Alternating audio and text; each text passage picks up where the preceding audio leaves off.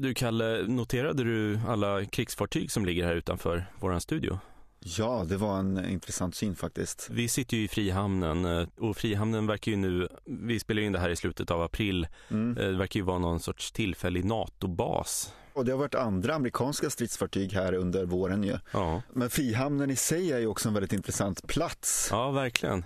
Jag måste bara göra ett påpekande här med Frihamnen. Jag har noterat att det är väldigt många som blandar ihop Frihamnen och Värtahamnen. Ja, just det. Två helt olika saker. Mm. Förr var ju Frihamnen något väldigt specifikt eh, juridiskt. Det var ju en eh, inhägnad hamn dit man kunde föra in varor sjövägen utan att betala tull. Just det, och det var ju 1907 va, som staten beslutade att det här skulle kunna finnas i Sverige. Ja, men sen så tog det ju några år innan Frihamnen stod klar framåt 1918, 19, 20 någonting. Mm. Medan Värtahamnen är av betydligt äldre datum. Det var ju främst en, en kolhamn. Och, liksom i Frihamnen där har man ju då tagit emot allt ifrån bilar av märket Ja. Ford, inte minst finns ju antal journalfilmer att beskåda kring detta. Ja, verkligen. Och sen söder om Frihamnen så öppnades ju Lindarängens sjöflyghamn 1921. Just det, i den gamla hangaren som då låg precis vid strandkanten. Nu är det ju hela den gamla viken utfylld. Det var ju då Sveriges, som jag förstår det, första flygplats egentligen. Jaha. Och den hangaren användes också vintertid då för eh, konståkning och tidiga, tidiga ishockeymatcher. Ja, och jag har ju varit i den hangaren många gånger. Ja, för du har ju också jobbat i Frihamnen. Ja, jag kom hit som 18-åring, som ung hamnarbetare. Och det här kommer väl eh, bli ett område med bostäder snart om inte jag förstår hela fel. Ja, absolut. Det här är alltså en plats i ständig förändring. Likt vår stad i allmänhet. Verkligen. Och det är den stan, Stockholm, vi pratar om i den här podden. Som drivs av dig, Christian Gradholt. Och dig hittar man ju på Instagramkontot Stockholms historia. Och dig, Kalle Kadhammar. Och du driver Instagramkontot i en förvandlad stad. Och vi har ju en karta på Google Maps där vi då markerar ut alla platser vi pratar om i det här avsnittet och tidigare avsnitt. Där lägger vi även ut bilder som eh, ja, ska illustrera det vi pratar om. Så gå gärna in och titta på den. Länken finns i avsnittsbeskrivningen.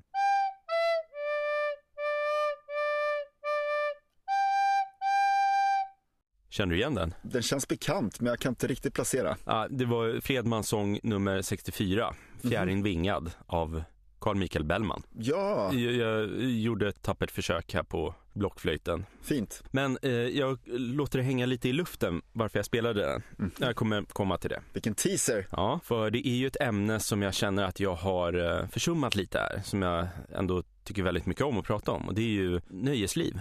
Ah, Vi har ju haft en hel rad eh, rätt kända nöjesställen här i stan. mm, Mosebacke, Hasselbacken, eh, Delacroix salong och så vidare. mm. Men idag ska jag gå igenom ett alldeles särskilt nöjesställe, nämligen det Kirsteinska huset med tillhörande trädgård, Uff, som eh, på sin tid var ett av eh, Stockholms främsta nöjesställen. ja. Så tiden vi befinner oss i, det är från och med det tidiga 1800-talet. Mm. Och platsen då? Vet du var Kirsteinska huset låg? Det var väl mitt inne i stan va? Precis, men eh, saken är att det har funnits flera Kirsteinska huset. Aha. Eh, Ett vid Munkbron och ett, eh, ytterligare ett vid Västerlånggatan. Mhm. Men eh, det jag ska prata om idag, det brukade man ibland kalla Kirsteinska huset vid Klara för att Ja. precisera vilket man menade. Just det. Och det låg på Klara Strandgata, det Ja. som senare blev Vasagatan. Mm. Lite mer exakt så får man tänka sig hotellet Scandic Continental Stockholm, mitt emot centralstation. Och trädgården rakt framför, alltså centralplan. Okej. Alltså ungefär där alla taxibilar står framför centralen. Mm. Och Klara Strandgata var ju mycket riktigt en strandgata i ordets rätta bemärkelse. Mm. För Klara sjö gick ända upp till nuvarande Vasagatan långt in på 1800-talet. Just det, det måste ha varit en vacker plats. Ja, men så fyllde man ju successivt ut Klara sjö med Brunkebergsåsen. Ja. Och gatan hamnade ju längre och längre från vattnet. Mm. Men lite om själva huset då, då. För här är konventionella källor, eller ja, Wikipedia, Ja. säger att huset uppfördes ja, ganska nära år 1800. Mm. Men eh, jag tror att det inte stämmer. Nej. Eh, för jag har hittat en ritning på Stadsarkivet som föreställer en byggnad på precis samma tomt som Kirsteinska huset. Mm. Det vill säga i kvarteret Kajan, nummer fyra.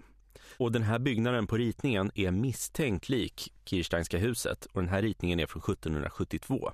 Mm. Och det är statssekreteraren von Heland som vill bygga ett hus här och ansöker om bygglov. Och väldigt mycket stämmer här med hur Kirsteinska huset såg ut. Det är samma antal våningar, samma form som ett U. Mm. Och mot Klara Strandgata så räknar man till 11 fönster i bredd på mm. båda byggnaderna. Mm. Så jag tror inte att Wikipedia är helt tillförlitligt här. Men oavsett så stod det Kirsteinska huset här i alla fall från början av 1800-talet. Mm. Och bygglovsritningen till förändring av huset är undertecknad av en viss slottsbyggmästare Adolf Ulrik Kirstein. Ja. Och då kommer vi till mitt lilla musikaliska framförande här i mm. inledningen. Mm. Mm, För samme Kirstein, han var hyresvärd åt en viss Carl Michael Bellman. Oj! Boende på Klarabergsgränd, ja, alltså runt hörnet från Kirsteinska huset. Häftigt. Bellman är ju också en äh, intressant person i, när det kommer till Stockholms historia. Ja, verkligen. Och vi vet ju att Bellman alltid hade usel ekonomi. Mm. Och han låg efter med hyror och, och så vidare. Och som kuriosa kan jag säga här att när Bellman pratar om björnar, då är det fordringsägare han menar. Ah. Men även om Bellmans och Kirsteins ekonomiska förhållande kan ha varit ansträngt så dedicerade Bellman år 1791 hur som helst sitt sedermera mest kända kanske och spridda och spelade stycke just Fjärin vingad syns på Haga till sin hyresvärd, mm. herr kapitänen Kerstein. Just det. Och det låter nästan som Kerstin men vi säger Kirstein. Ja. Och egentligen så är de ju väldigt besläktade namnen här. Kerstin är ju en gammal skandinavisk form av Kristina mm. och Kirstein är en gammal tysk form av Christian. Just det. Kirstein, han levde inte länge, han dog redan 1806. Så han hade inget att göra med sitt hus öde som nöjespalats. Eh, utan det var följande ägare, hovrättsrådet Argilander, som köpte huset av Kirsteins arvingar 1808. Och han behöll Kirsteins namn på huset och introducerade det på Stockholms nöjesscen. Mm. Och det var nu som det började hållas eh, baler, mm. maskerader, teaterföreställningar här. Och i trädgården så drack man brunn och det spelades musik och finare människor kom och planerade. Låter trevligt. Och det var faktiskt här i Kirsteinska trädgården, skriver Claes Lundin, som man för första gången bedrev så kallad eklarering med färgglada lyktor. Mm. Alltså att man lyste upp med färgglada lyktor. Oj. Men det här med brunnsdrickning då, från 1600-talet och ända in på 1900-talet så uppfattade man ju att vatten på olika platser hade omåttligt hälsofrämjande förmågor på grund av olika ämnen. Just det, det här Loka och Ramlösa blir poppis. Just det. År 1842 då kunde man läsa i Handbok för brunnsgäster att Kirsteinska trädgården hyste en så kallad Karlsbaderbrunnsinrättning där Dr. Hanbury Smith var ansvarig läkare. Och där kunde man dricka varma och kalla hälsovatten. Och just från Karlsbadsbrunn vid floden Mosel i Tyskland kom en särskild sorts vatten som här har varit väldigt rik på olika mineraler. Och det här vattnet återskapade man artificiellt med olika anordningar. I tidningar från mitten av 1800-talet då kan man läsa om hur otroligt effektiv brunnsdrickning var mot olika sjukdomar. Och ett citat här ur Skånska Posten 1845 där man skriver om vattnet i brunnen vid eh, Ljungby. Mm. Detta vatten har visat sig utmärkt verksamt uti digestionsorganernas sjukdomar såsom trög matsmältning, magkramp, habituell kräkning, även som uti slemhemorrojder, passiva hemorrojdalflöden och mot maskar, i könsorganernas sjukdomar såsom undertryckt och plågsam menstruation, i nervsjukdomar såsom hypokondri och hysteri, konvulsioner, migrän, svag syn och i synnerhet lamhet. Fantastiskt. Så det var inte så konstigt att folk ville dricka brunn på den här tiden. Och i Kirsteinska trädgården fanns även en badinrättning där man kunde få koppning och, och annat. Okay. Men jag sa ju innan att det spelades teater här. Du har ju redan tagit upp teatern. Ja, Lilla bollhuset och Stora bollhuset. Ja, precis. Avsnitt nummer fyra, Fågelvägen. Mm. 1798 så inrättades ett kungligt teatermonopol inom Stockholms stadsgränser. Just det. Så om man ville syssla med teater, då fick man antingen söka sig till Kungliga Dramatiska Teatern som fanns i det före detta palatset Makalös ja. vid Kungsträdgården. Och som teater så kallades den Arsenalsteatern. Eller så kunde man söka sig till Djurgårdsteatern som hade någon sorts eh, specialprivilegium. Men mitt under det kungliga teatermonopolet så kommer en man in i bilden. Han hette Olof Ulrik Torslov. Mm. Och han eh, drev eh, Djurgårdsteatern om somrarna och så turnerade han runt i landet övrig tid. Mm. Han gillade inte det här med Kungliga Teatermonopolet. Nej. Det var skit, tyckte Aha, han. Ja. Så han eh, trotsade helt sonika förbudet mot offentliga teaterföreställningar i privat regi. Man fick alltså ha teaterföreställningar för liksom slutna sällskap mm. men inte sälja biljetter till föreställningen till allmänheten. Ja. Men han hade ansökt om tillstånd och fått avslag. Men han körde på. Det var ju strångt. Så, så vintrarna 1839-42 så gav han offentliga föreställningar mot förbudet här i Kirsteinska huset. Och följden blev då att monopolet bröts 1841. Jaha, då måste de ha blivit populära de här föreställningarna. Ja, verkligen. Nu är det 1840-tal och nu kommer något ganska speciellt att hända. Till och med för oss idag. Ja, För på hösten 1844 då kunde man läsa i tidningarna en annons om aftonunderhållning med nordisk folkmusik här i Kirsteinska huset. Mhm. Och annonsen var undertecknad av Rickard Dybeck. Och det stycke som kom att spelas här måndagen den 18 november 1844 det var inget mindre än Du gamla, du fria. oh, Sveriges blivande nationalsång. Eller du, du gamla, du friska som det ursprungligen var. jaha. Eh, För det var inte förrän 1866 som det blev Du gamla, du fria. Och det var alltså första gången som det här stycket spelades i offentligheten. Häftigt ändå. Ja. Men det är inte vår officiella nationalsång egentligen va? Nej, det är, en, eh, det är en rimlig fotnot här. Ja, Eh, Det har ju liksom aldrig tagits något beslut om att det här ska vara vår officiella nationalsång. Men de här balerna och maskeraderna som jag pratar om, de fortsätter här alltjämt. Rakt igenom alla de här händelserna som jag Mm. tar upp här. För att det var liksom en mängd olika evenemang här i Kirsteinska huset. Det var liksom hit man gick på samma sätt som eh, dagens inneställen. Ja. Men eh, de här decennierna, 1840, 50, 60-tal, då är det ju en del som händer i nöjesbranschen. Delacroix Salong Mm. öppnade 1843 och jag uppfattar att det är liksom Kirsteinska husets främsta konkurrent. okej. Eh, och så öppnar Hotell Rydberg 1857 och Hasselbacken började väl bli poppis där i början av 1850-talet. Ja, ja. Ba- Berns Salonger. 1863, Mm. Blanche Café 1868, Mosebacke runt 1860. Jag får en känsla här av att i jämförelse med de här andra etablissemangen så började nog Kirsteinska huset kanske framstå som lite omodernt. Mm. Eller i varje fall det som pågick där, alltså baler och maskerader. Oj ja. Det kändes kanske lite 1840-tal över det hela. Kirsteinska huset började kanske förlora sin relevans. Ja, Men 1852, då kunde man läsa i tidningarna att det var slut på baler och maskerader. Mhm. Nu skulle det bli en fabrik här, en sidenfabrik. Oj. Gasverkets kontor flyttar in här och det verkar ha blivit fler bostäder i huset också. okej så man la helt enkelt ner krogverksamheten och sålde lokalerna eller? Nej, utan det, det var alltså balerna och maskeraderna som upphörde. Okej. Och, och 1856, då kunde man gå på museum här. Mhm. Alexander Ludvig Soldins enskilda museum flyttar in på andra våningen.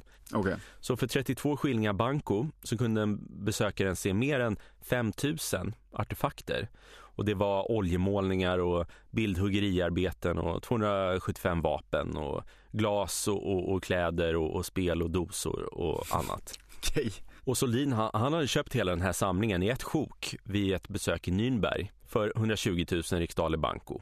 Okej. Som det skrevs i tidningarna i alla fall. Han själv menade att det var en mindre summa. Men redan i slutet av samma år, 1856, då kunde man läsa att kronprinsen, det vill säga blivande Karl XV, hade köpt hela samlingen och att den höll på att flyttas från Kirsteinska huset till Ulriksdals slott. Oj. Och vad som hände sen med alla prylar, det, det har jag inte utrett. Men det blev en kort karriär för Soldins enskilda museum. Ja. Vad är det mer som händer året 1856? Prins Oscar, blivande Oscar den andre, han går och förlovar sig med Sofia av Nassau Mhm. och de gifter sig året därpå. I Kirsteinska huset då eller? Nej, men att han gifter sig, det innebär att han flyttar in i arvfurstens palats vid Gustav Adolfs torg. Mhm. För enligt prinsessan Sofia Albertinas testamente skulle det här palatsets innehavare vara den äldste prinsen näst tronföljaren. Och det var ju prins Oscar. Och att han flyttar in, det innebär att dåvarande hyresgäster måste flytta ut. Och det var Musikaliska akademin som hade huserat här sedan 1830.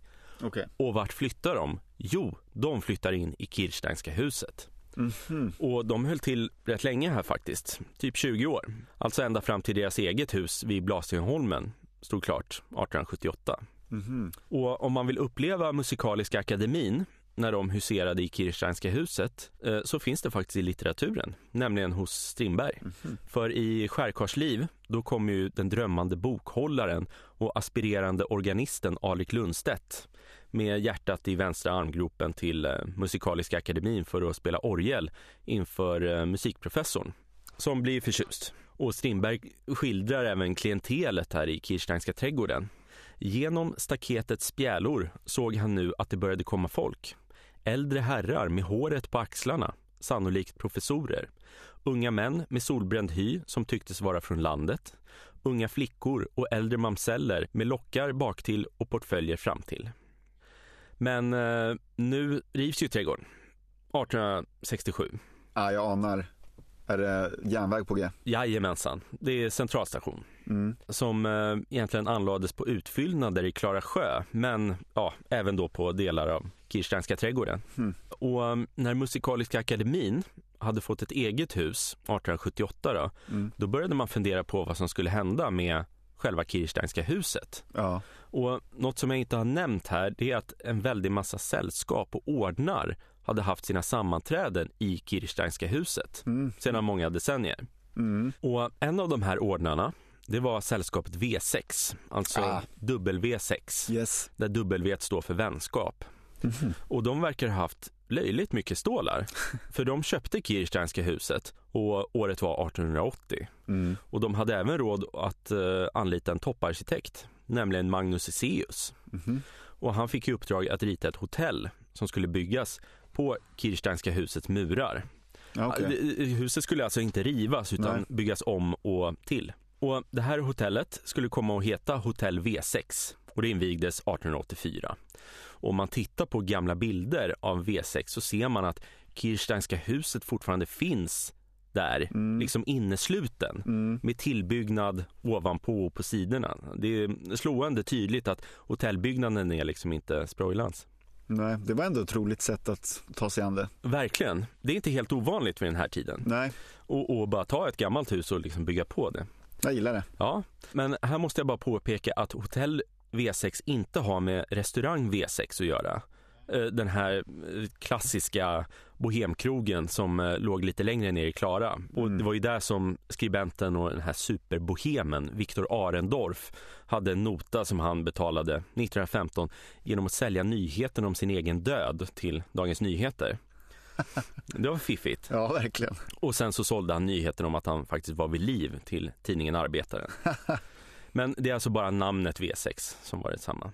Men Hotell V6 kör på eh, och här är en vanlig missuppfattning att de bytte namn från Hotell V6 till Hotell Continental ungefär mot sekelskiftet. Ja. Vissa säger att det var i samband med branden 1899 men det var faktiskt redan 1888 så ändrades namnet från Hotell V6 till det ganska märkliga V6 Hotell Continental V6. Känns som de inte kunde komma överens där om det skulle vara i början eller slutet. Det är lite styltigt. Ja. Men sen så blev det någon form av skumraskaffärer 1898 för hotellet såldes till köpare som även var säljare. Aha. Eh, det var en fuling här eh, som orsakade ganska stort rabalder ja. bland allmänheten men även inom sällskapet V6. Alltså det lär ha varit så att sällskapet V6 ägde ett fastighetsbolag som ägde hotellet.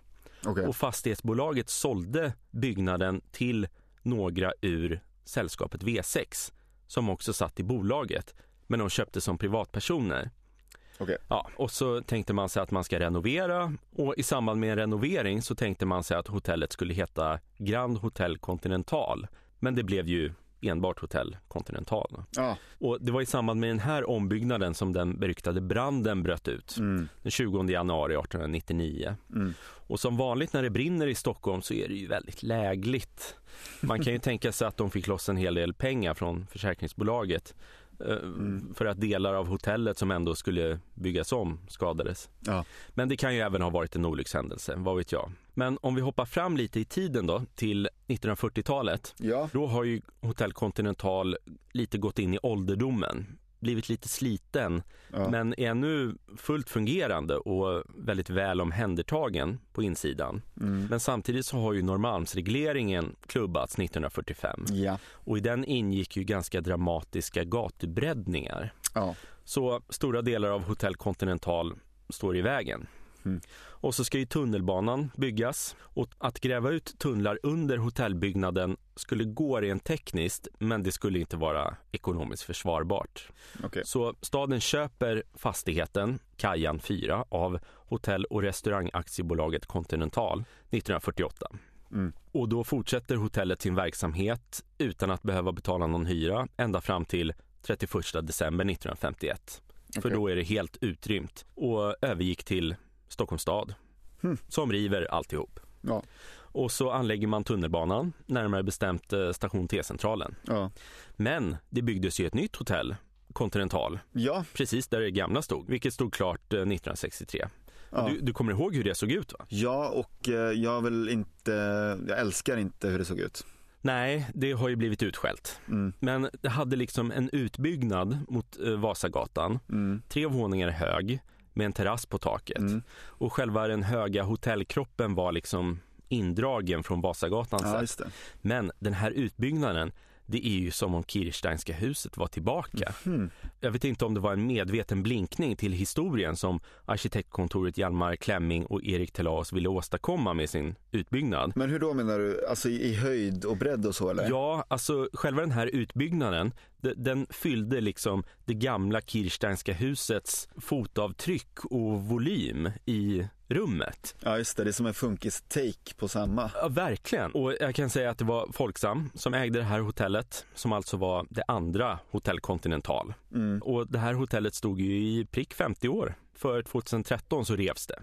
Mm. Och sedan 2016 så står det nuvarande och tredje Hotell Continental på Ja. den här platsen.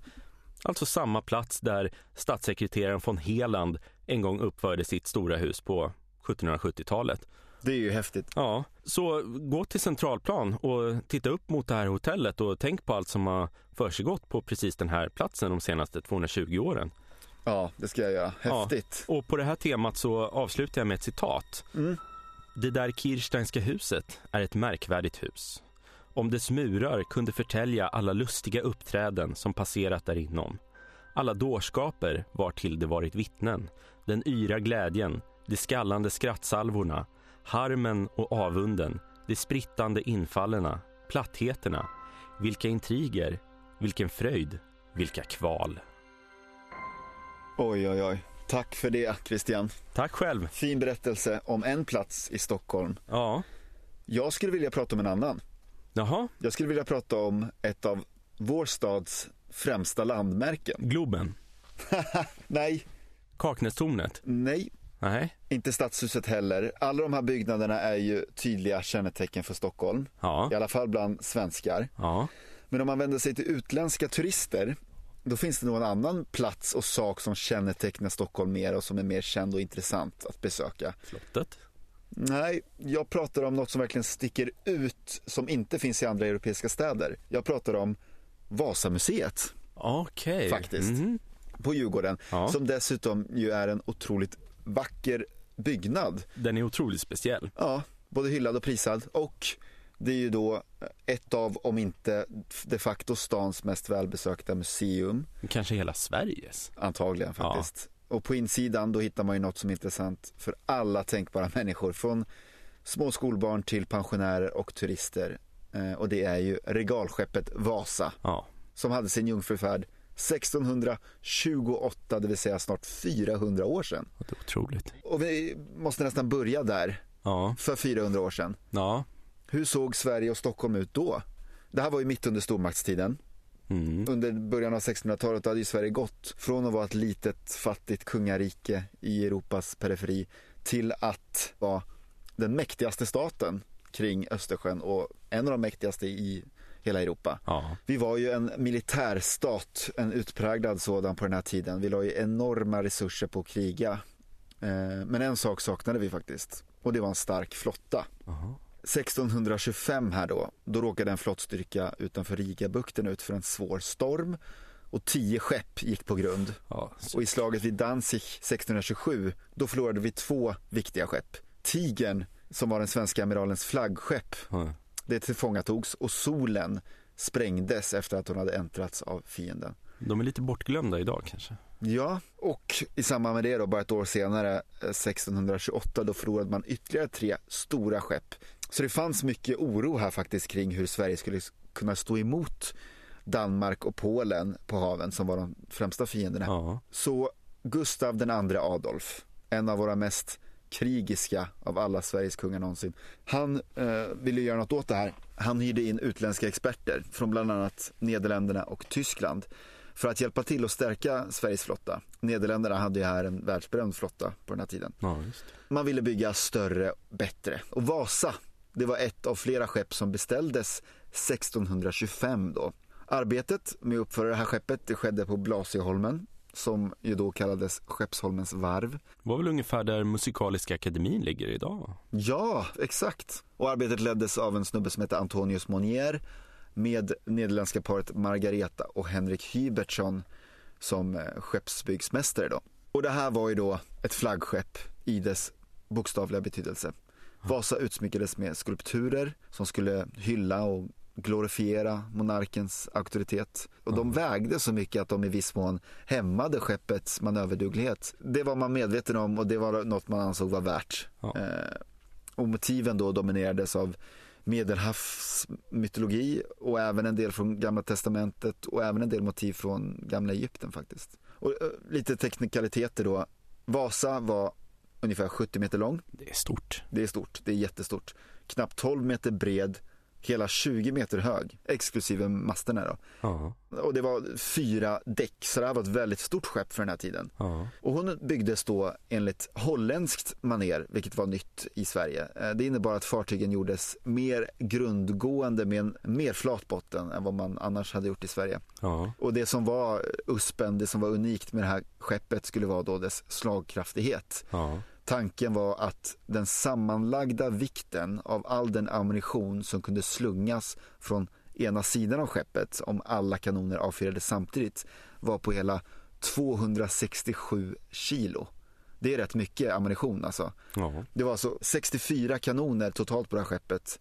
Och våren 1628, när skeppet var i princip helt färdigbyggt, då gav viceamiral Claes Flemming order om att man skulle pröva Vasas stabilitet. Det här var något som man gjorde med alla skepp, en, en slags standardtest där man lät 30 sjömän springa fram och tillbaka från ena sidan av skeppet till den andra för att se hur mycket skeppet kränger då va. Ja. Och när man gjorde det här då på skeppet Vasa då började Vasa kränga så mycket att man var tvungen att avbryta testet och stoppa det. Men, men alltså 30 man, det låter ju inte särskilt mycket. Nej. Och, och att det då kränger när bara 30 man springer från ena sidan till den andra, det låter ju inte bra. Nej, det måste ha varit en varningsklocka. Skeppet var ju alltså farligt instabilt, det visste man. Eh, både kapten Hansson, amiral Flemming och många i besättningen här visste det, de såg det med egna ögon. Eh, och enligt Vasas skeppare Göran Mattssons senare vittnesmål hade Flemming här då, viceamiralen, efter det här testet sagt att han hade önskat att kungen Gustav II Adolf var i Stockholm vid tiden för testet så att han hade fått se det här. Men kungen befann ju sig i Polen. Ja. Han var ju upptagen med ett krig som pågick där för tillfället. Det känns som att han hade kunnat sätta ner foten om han faktiskt såg hur instabilt det var. Ja men precis. Men tvärtom så befann han sig i Polen upptagen med kriget och det var ju dit Vasa också skulle. Så att kungen upprepade ju brev efter brev eh, snarare sina krav på att skeppet skulle bli stridsdugligt och klart så snabbt som möjligt här. Ja. Så eh, man sa inget om det här testet, man knöt handen i fickan och byggde vidare så att säga. Mm. Eh, och det var en sen eftermiddag en sommardag den 10 augusti 1628 när Vasa, förtöjt nedanför slottet Tre Kronor, skulle sätta segel på sin jungfrufärd mot Älvsnabben, en ö i Stockholms skärgård där hon skulle ta ombord eh, soldater och proviant. Och besättningen då här hade fått ta med sina anhöriga eftersom det här var skeppets första färd och de anhöriga skulle då få stiga av i skärgården. Det var 150 pers ombord, det var en glädjens dag. Det var en stilla och klar dag med en liten lätt bris från sydväst när skeppet boxerades längs stranden till den södra delen av hamnen där man satte tre av tio segel och skeppet började då röra sig österut, allt enligt plan. Och en bit ut så sköt man salut från ja. skeppet. Efter att Vasa hade kommit ut ur lä då fyllde en liten kastvind hennes segel och hon krängde plötsligt ditåt barbord. Och här kan man föreställa sig att ett sus gick genom publiken på hundratals om inte tusentals personer som stod längs Stockholms kajer. Ja. Men skeppet rätade upp sig igen och fortsatte. Eh, men snart kom ytterligare en vind och åter krängde skeppet, den här gången mer på barbords sida. Och den här gången krängde det så mycket att vatten började forsa in i de här öppna kanonportarna som man hade haft när man sköt salut. Ja. Och då forsade vattnet in. Ja. Och det var en dramatisk syn givetvis kan man tänka sig. Man kan föreställa sig ett betydligt högre sus här och övergång till skrik och panik bland folket där man ser hur Vasas slagsida successivt ökade, att barlasten tippade och hur skeppet till slut kantrade och sjönk inför alla dessa människor, 120 meter från stranden. Överlevande besättningsmedlemmar de, de klängde sig fast vid flytande bråte och många kunde inte simma. Ja. Och närliggande småbåtar kastade sig ut i vattnet för att undsätta. Men trots insatserna då från, från folk runt omkring och trots det korta avståndet till land så drunknade mellan 30 och 50 människor enligt Ja. samtida rapporter. Allt det här skedde ju då inför en stor folkmassa som sagt. Och bland åskådarna fanns ju förutom lokalbefolkning även utländska ambassadörer och även utländska spioner. Jaha. Troligtvis med tanke på Sveriges ställning vid den här tiden. Otroligt genant. Ja, och vad som också är lite absurt, snöpligt och lite tragiskt i det här är att det är då 32 meter djupt där Vasaskeppet sjönk. Så att flaggor och master stod fortfarande ovanför vattenytan när skeppet hade sjunkit. Så där stack de upp liksom som ett monument över svensk ingenjörsoduglighet. Bisarrt. Ja, det är bisarrt. De plockades väl bort illa kvickt dagarna som följde här, men skeppet förblev ju på botten. Men redan tre dagar efter den här katastrofen så fick den engelska ingenjören och vrakdykaren Ian Balmer fullmakt av riksrådet att försöka bärga Vasa. Det fanns tekniker för bärgning vid den här tiden, men han lyckades bara med att räta upp skeppet något, vilket ledde till att skeppet satte sig ännu mer i dyn och försvårade bärgning ytterligare. Men det är ändå häftigt att det fanns eh, sån verksamhet på den tiden. Och med tanke på det här skeppets betydelse och alla de dyrbarheter som fanns ombord så ville man väl verkligen få upp det. Så att trots det här misslyckade försöket så, så var det ingenting man gav upp om utan Ja. snarare 30 år senare då gjordes ett nytt eh, försök men snarare med då att bärga Vasas kanoner och det lyckades. Eh, Man använde en dykarklocka där man helt enkelt sänkte ner människor i de här klockorna och eh, satte fast rep kring prylar och lyckades bärga upp hela 50 kanoner. Oj. Eh, Och även andra saker, inte minst de här utsmyckningarna ville man ju få upp och även en del av dyrbarheten ombord. Men successivt avtog ändå bärgningsförsöken här under tiden. Mycket av skeppets innehåll förblev helt enkelt där på sjöbotten. Mitt i Stockholm, strax utanför platsen för Gröna Lund idag. Ja, just det. Men varför sjönk då skeppet? Det vill man ju ta reda på här ganska snabbt. Eh, Åsikterna går fortfarande isär ska sägas om vem som kan anses vara skyldig. Men att skeppet var instabilt som bara den, det visste man ju efter Ja. det där testet som gjordes. Och att skeppet var en eh, obeprövad konstruktion, det kan man ju också slå fast. Och att hon hade ett mycket stort antal kanoner i förhållande till sin vikt, det kan man också slå fast. Och man ser ju, har du, varit, du har ju varit på Vasamuseet givetvis. Ja, absolut. Och man ser ju på skeppet, i alla fall nu med facit i hand, Ja. Att det är ju en oproportionerlig konstruktion. ja, det är ju otroligt högt. Och man kan ju anta att många erfarna sjömän och skeppare och ingenjörer och byggmästare kunde ha sina aningar om det här redan vid tiden för, för uppförandet. Men det var ju det här med att det var en helt ny konstruktion, en helt ny modell, ett helt nytt maner som kom från Nederländerna. Ja, just det. Så man respekterade väl det här och lät bygget ha sin gång helt enkelt. Ja. Men det finns ju också ett antal olyckliga eh, omständigheter som kan ha spelat in här. Dels har vi den här holländska skeppsbyggaren Hybertsson. Han dog ju ett år innan skeppet var färdigbyggt. ja. Och det övertogs ju av hans fru och även andra då svenska kunniga som fick ta över det här. Men det, det kan ju knappast, Undrar om de var så kunniga då? ja men precis. Och det var ju då också en ny konstruktion som de fick ärva helt enkelt. Man kan ju spekulera i huruvida holländaren där hade kunnat eh, justera det här om han hade fortsatt leva.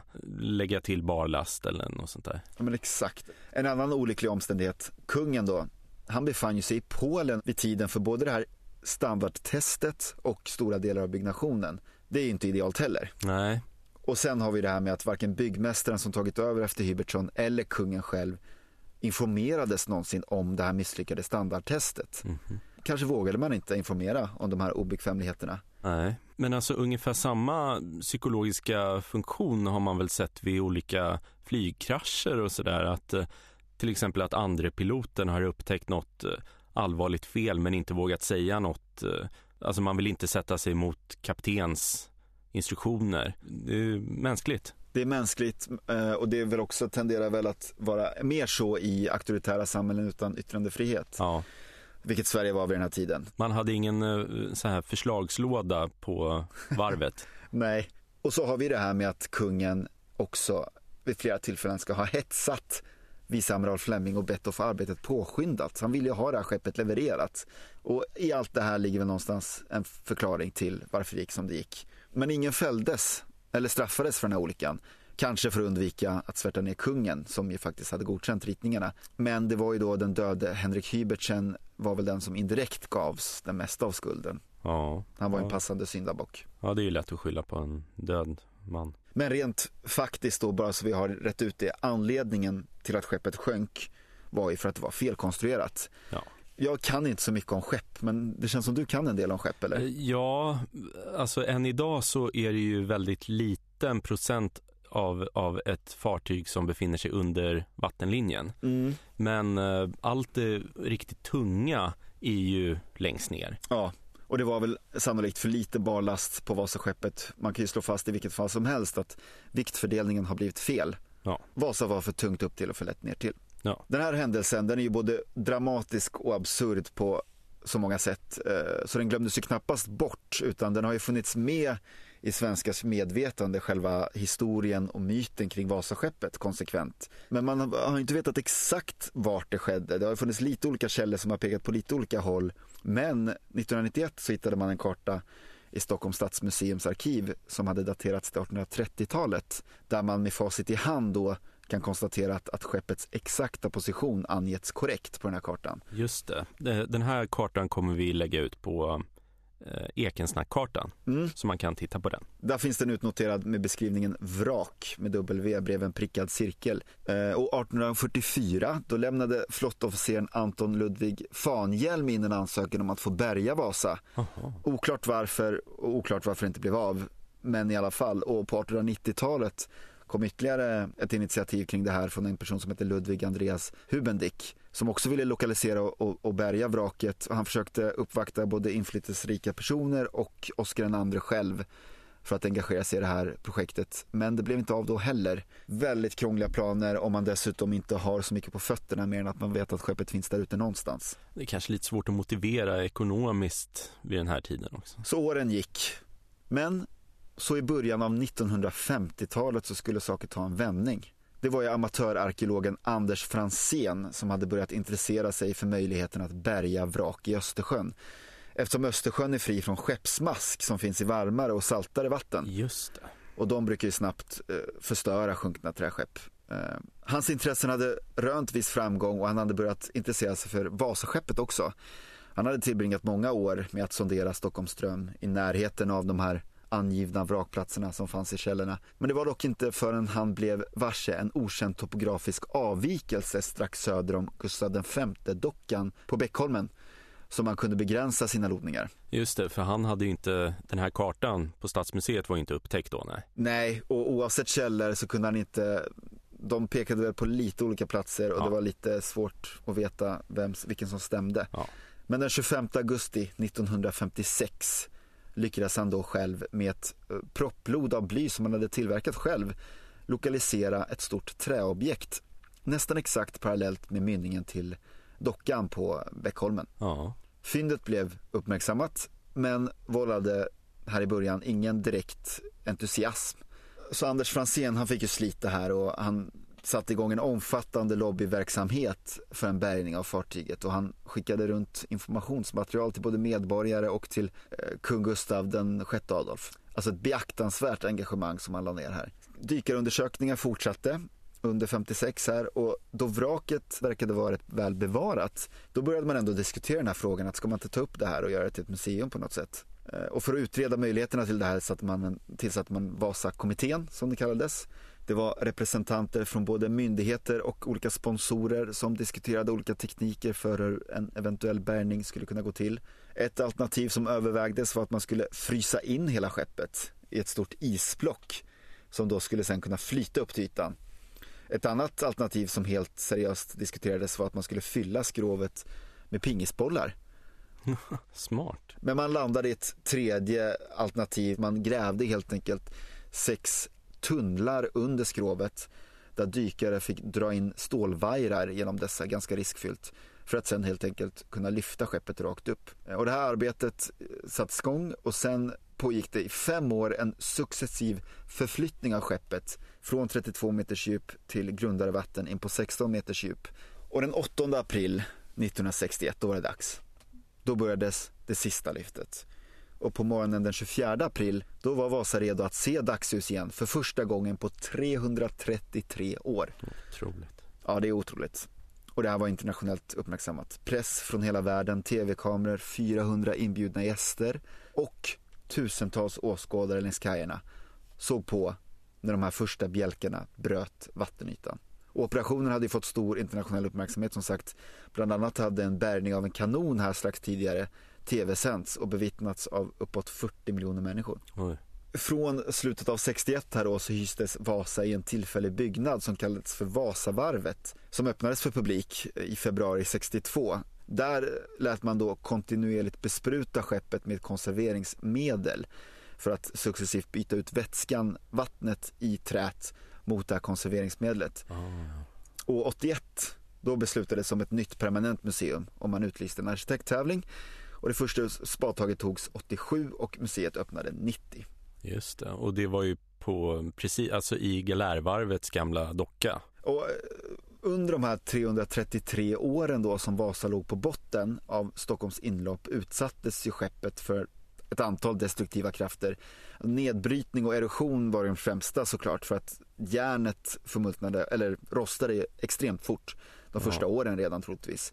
Eh, Och utöver det förfallet så har ju vraket blivit skadat, inte minst av de här tidiga bärgningsoperationerna på 1600-talet. Sen är det ju också så att Vasa har ju legat väldigt nära land egentligen och eh, i den här viktiga farleden så har det dumpats slagg både från torrdockan på Bäckholmen under 1800-talet och så har man hittat massa spår av massa ankare som ju bara har fastnat och Ja. slitits loss igen. Men trots allt detta och efter viss restaurering då så är ju skeppet till väldigt stor del bevarat och kan beskådas än idag på Vasamuseet. Ja, det är ju otroligt intakt. 95% tydligen är det av skeppet som är original Ja, och sen är det 5% som består av diverse restaureringar då. Eh, och det är en populär Ja. besöksmål. Alltså en bra bit över 20 miljoner människor har vid det här laget sett Vasaskeppet. ja. Franzén själv då dog 93 men han ju då få uppleva Vasamuseet.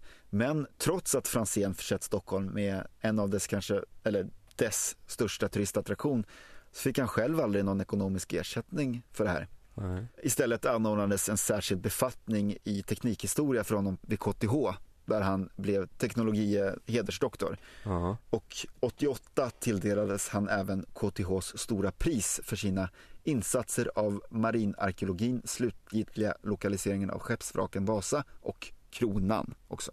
Det är ju fint, men det känns lite otacksamt. Det är ju det, det måste jag ju verkligen hålla med om, lite märkligt på ett sätt. Ja. Men om det kan vara någon tröst så har ju faktiskt Fra- Franzén fått en park uppkallad efter sig. Eh, Den här parken är ju faktiskt belägen nära där du bor i Hammarby sjöstad. Just det. Nedanför Danviksklippan ut med Danvikskanalen. Där ligger idag sedan 2014 Anders Franzéns park som ju också nominerades till årets Stockholmsbyggnad 2015. Det är lite varvstema på den. Ja, jag undrar om inte det är liksom inspirerat från Bäckholmen eller så. Ja, Men det är en fantastisk fin liten nästan kåkstadsmiljö av en lekpark. Och den är ju skapad av Tor Svae som även står bakom några liknande temaparker. Ja, men det var även han som eh, målade de här kranarna, eh, giraffkranarna, Ja, varav en står på Bäckholmen idag. lägligt nog. Ja. Ja, verkligen. Och det, det finns ju något väldigt vackert i den här berättelsen kring Vasa tycker jag. Ja, Det är ju en stor katastrof som verkligen sticker ut i vår stads historia. Som, Ja. Den var ju både pinsam och hemsk och väldigt tragisk för dåtidens stormakts-Sverige. ja, Men vi tog liksom revansch på vår egen historia och fick liksom stor internationell uppmärksamhet åt andra hållet på 60-talet. ja, Då vi var liksom en ny sorts modern ekonomisk stormakt kanske man kan säga ja, under välfärdens guldålder. ja rekordåren. Ja, och där vi med top of the line ingenjörskonst lyckades bärga det här helt unika uråldriga skeppet för allmän beskådan. Ja, otrolig succé. Så fiaskot blev en framgångshistoria. Verkligen.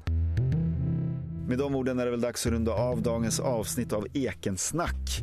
Och vill man komma i kontakt med oss då kan man ju vända sig till dig Christian Gradholt på Stockholms historia. Eller dig, Kalle Kadhammar på Instagramkontot i en förvandlad stad. Och oss gemensamt på ekensnack.gmail.com. Och tack också till Christian Jäderberg som skrivit musiken.